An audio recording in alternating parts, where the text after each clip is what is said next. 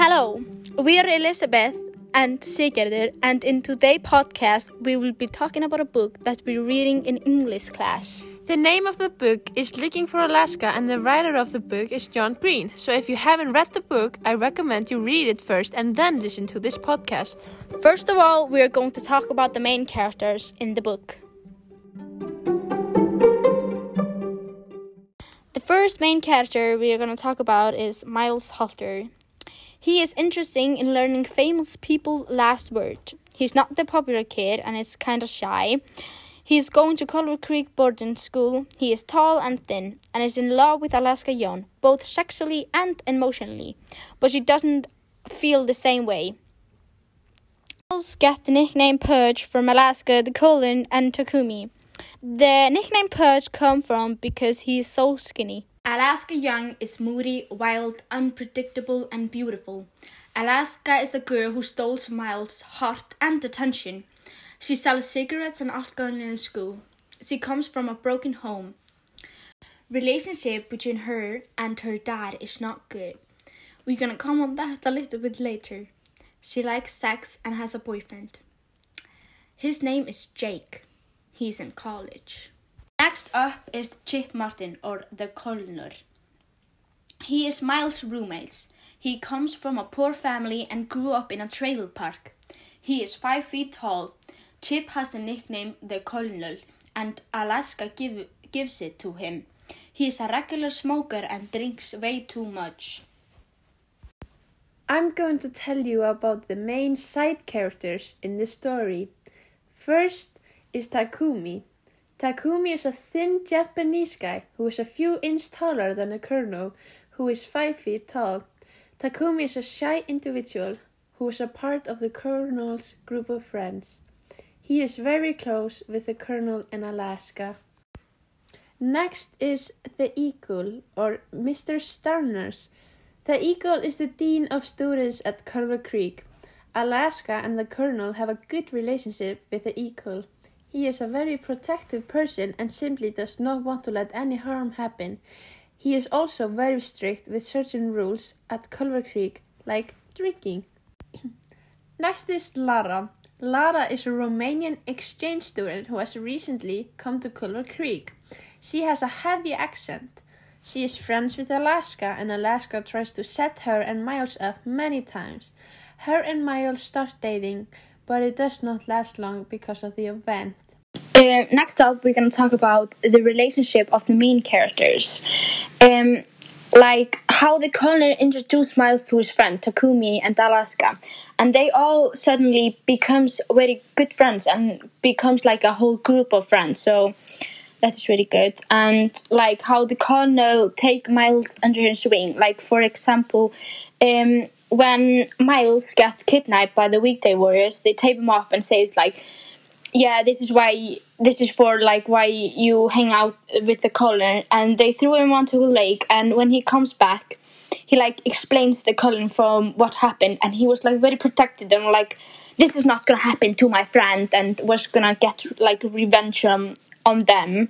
So it's like shows how like the colonel like just protect him very cl- um, very sudden. Um, when the book uh, goes on, the friendship grows stronger, and they drink and smoke together, and that is like their main happy. And also to plan a prank on the weekday warriors and the eagle. And for example, for a prank, it's a born prank, which was kind of the biggest prank like the whole group did, I think, which was the Colonel, Alaska, Miles, Lara, and Takumi. They were all together in it. And pretty much Miles and Takumi were blowing fireworks to distract the eagle while Alaska and the Colonel went and sent messages to the parents of victim warriors that they were doing bad in school and possibly needed to be sent home. And then they all went to a barn, which Lara had been waiting at. And after the prank, they pretty much just drank wine all night and talked. And after that, they got really close and got to know each other a lot more. Yeah. Now we're going to talk about how the characters change and grow in the story. First is Miles. He changes from being a lonely and shy boy and becomes this boy who has friends and creates memories. And in the beginning, Alaska is kind of happy most of the times, but while the book goes, he becomes more moody, more angry, and kind of talks more about death than she did usually and has a shorter temper. And the Colonel goes through a heartbreak kind of early in the book and gets more moody and feelings change. And then Alaska dies, which affects every character in the story. Like the eagle, just everyone in the story. I Mhm. think weekday warriors. Yeah, they just like affect emotionally and just I don't know. Yeah. affects everyone. Everyone in the school. Like yeah. Mm-hmm, pretty much. Now we're going to talk about unexpected events that happened in a story. First is when the colonel finds out that Alaska was the one who snitched the couple, Mary and Bill. It was kind of shocking, probably to every character, because nobody was kind of expecting her to be the one that snitched. And yeah, it was just kind of like unexpected Yeah. of her. hmm And the colonel goes through a shock Yeah, because kinda. he doesn't know like whether she c- he could trust her again Mhm, or He can just lose his trust yeah. for her. Yeah. So That is just unexpected. But Mhm. next of all, it, like when Alaska tells all the friend group how her mother died. So the story is like that. Uh, Alaska was eight and she found her mother lying, uh, and she held her in her hands and she died. And then um, she didn't like think of uh, calling nine one one because she was eight and didn't know what to do and she was in shock. So he um her father comes home and he got really pissed at her and was like, Why didn't you call nine one one and had and has blamed her Alaska for her mother's death from it and Alaska has blamed herself. So that is really unexpected and it when the story comes up we kind of see like how Alaska has been and why it it all makes sense now because she has gone through a trauma. yeah, and she also talks a lot about like I drink for death or like I smoke today. Yeah, Yeah. Like so- she talks a lot about death probably because of this. Yeah. Like hmm And so next is when Alaska and Miles kiss because it's just so happy for Miles because he was in love with her from the beginning of the book. And finally she shows some interest um, to back but the next like the same night Alaska dies. And his that is also unexpected events because now it's like mystery whether she it was a suicide or it was an accident. And the colonel and miles blames their self for letting her go yeah, because they knew she was drunk and And- she was freaking out, but they still helped her get away. away. And so it's also a shock when Takumi tells them that he's also sad Alaska the night of her death, and they were not the only one. So that becomes a shock from the Colonel and Miles, and I mm-hmm. think like they get like a little bit like, okay, like A relief, Yeah, like, because- a little bit, yeah. knowing that they were not the only, only one who didn't mm-hmm. stop stop her. So yeah. I'm going to tell you about the questions that the characters were looking for in the book and trying to find the answers to, which was pretty much in the beginning of the book. The Miles was trying to find a great perhaps, and by that he went to Culver Creek searching for it. But later he finds out that there wasn't really a great perhaps. And after he meets Alaska, Alaska and Miles both try to figure out what how will I ever get out of this labyrinth means, which Alaska asked him to help her find out, and if he did, she would get him a girlfriend. So Alaska finds out later that it kind of means how will I ever get out of this suffering. And she wrote in the book that had this quote in straight and fast meaning that's the way out of the labyrinth. And later in the after part of the book, after Alaska dies, most of the characters are trying to find answers if it was a suicide or if it was an accident. And why she freaked out before it and where she was what she was going to do and where she was going. And they never really find out whether it was a suicide or not but they think she kind of freaked out because she forgot her mother's like death anniversary or like she forgot to go with flowers to her grave like she always does. And she probably had freaked about it because she was forgetting her mom and about her death which she kind of blamed herself for. And they go to the police which she drove straight to the car police car and that's how she crashed. And he said she didn't even try to stop but she was drunk when she was driving so they don't know if it was an accident or not.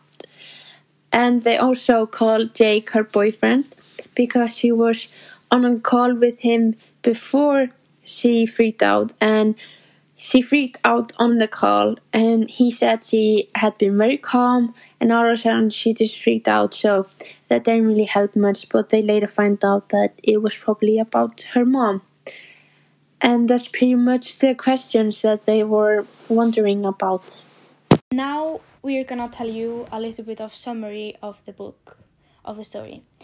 Before, Miles goes to the Culver Creek boarding school. Before he tells his parents that he's going to seek the great perhaps. He meets the Cullen, Takumi, and Alaska. These three takes Miles under the wing and introduce him to the school, the rules and smoking and drinking. They tell him about the eagle and how they have to avoid him. Miles' favorite class is taught by an old man, the old man. He lectures him about their relationship and life. Miles meets Lara and goes on a triple date with her, Alaska, and Jake, the Colin, and Sarah, and Takumi. But the date doesn't mean anything because he's in love with Alaska. Time passes on and his obsession about Alaska goes on. He stays on campus for Thanksgiving with Alaska.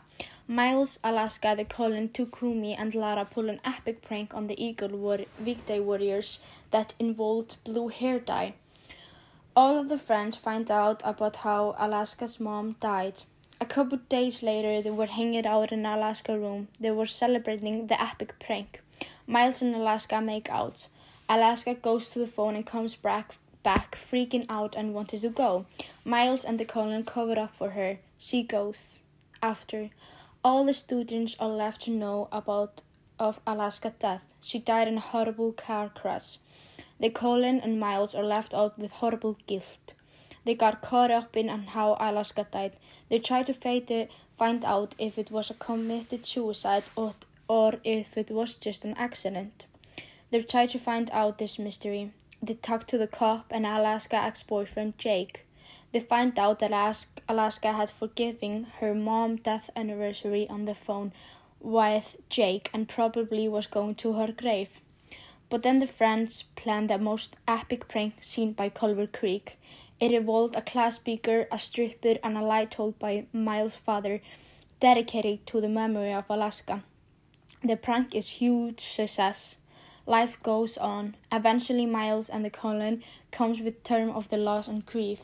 The old man assigned a final exam that asks each student of their own labyrinth of suffering. Miles finally has some answer, and he writes himself out his own labyrinth of suffering about Alaska. And that is the end of the story.